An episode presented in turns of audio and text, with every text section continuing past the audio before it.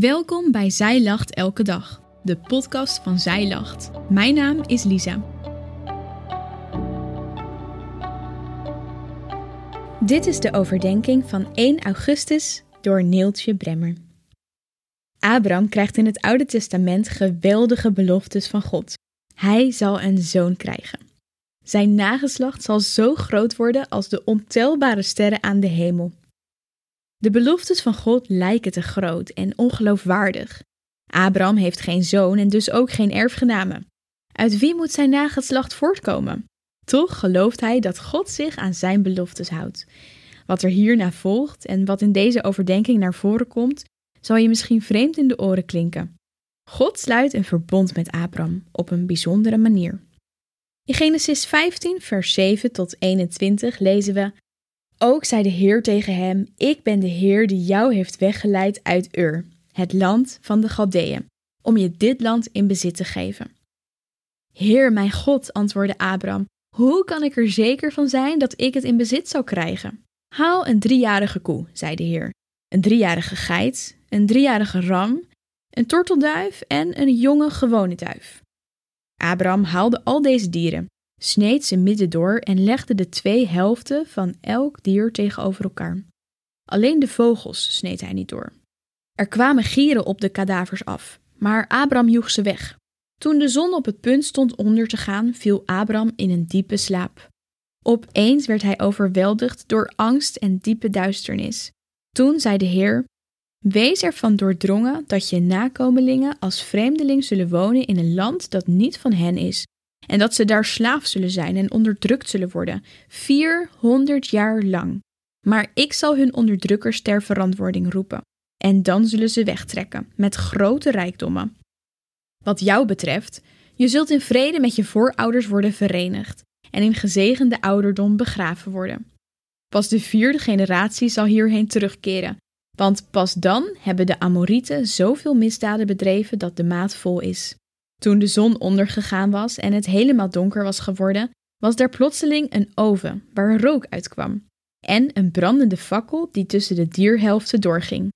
Die dag sloot de Heer een verbond met Abram.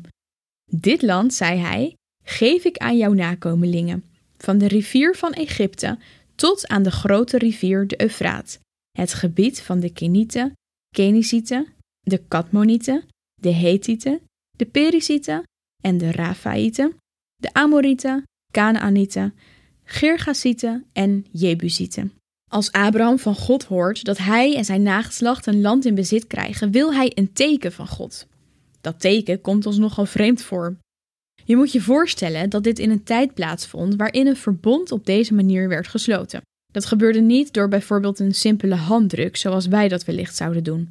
God geeft Abraham de opdracht drie driejarige dieren en twee duiven in twee stukken te snijden.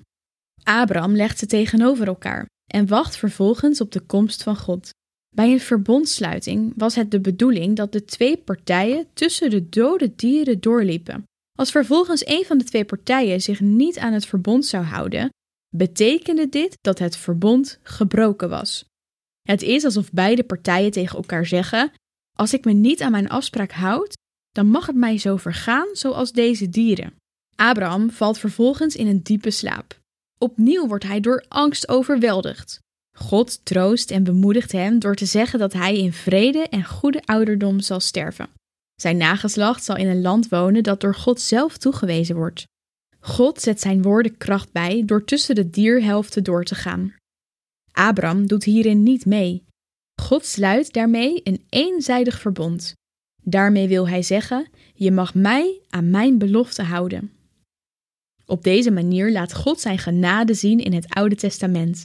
God sluit een verbond met Abram, niet andersom. Daarmee zweert God een eed. Abram zal kosten wat het kost het land krijgen. God neemt daarin volledig de verantwoordelijkheid voor het verbond. Zo ontstaat er een overeenkomst die stand kan houden, omdat God zich altijd aan zijn woord houdt.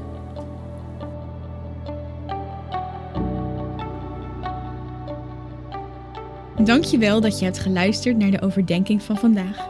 Wil je de overdenking nog eens nalezen?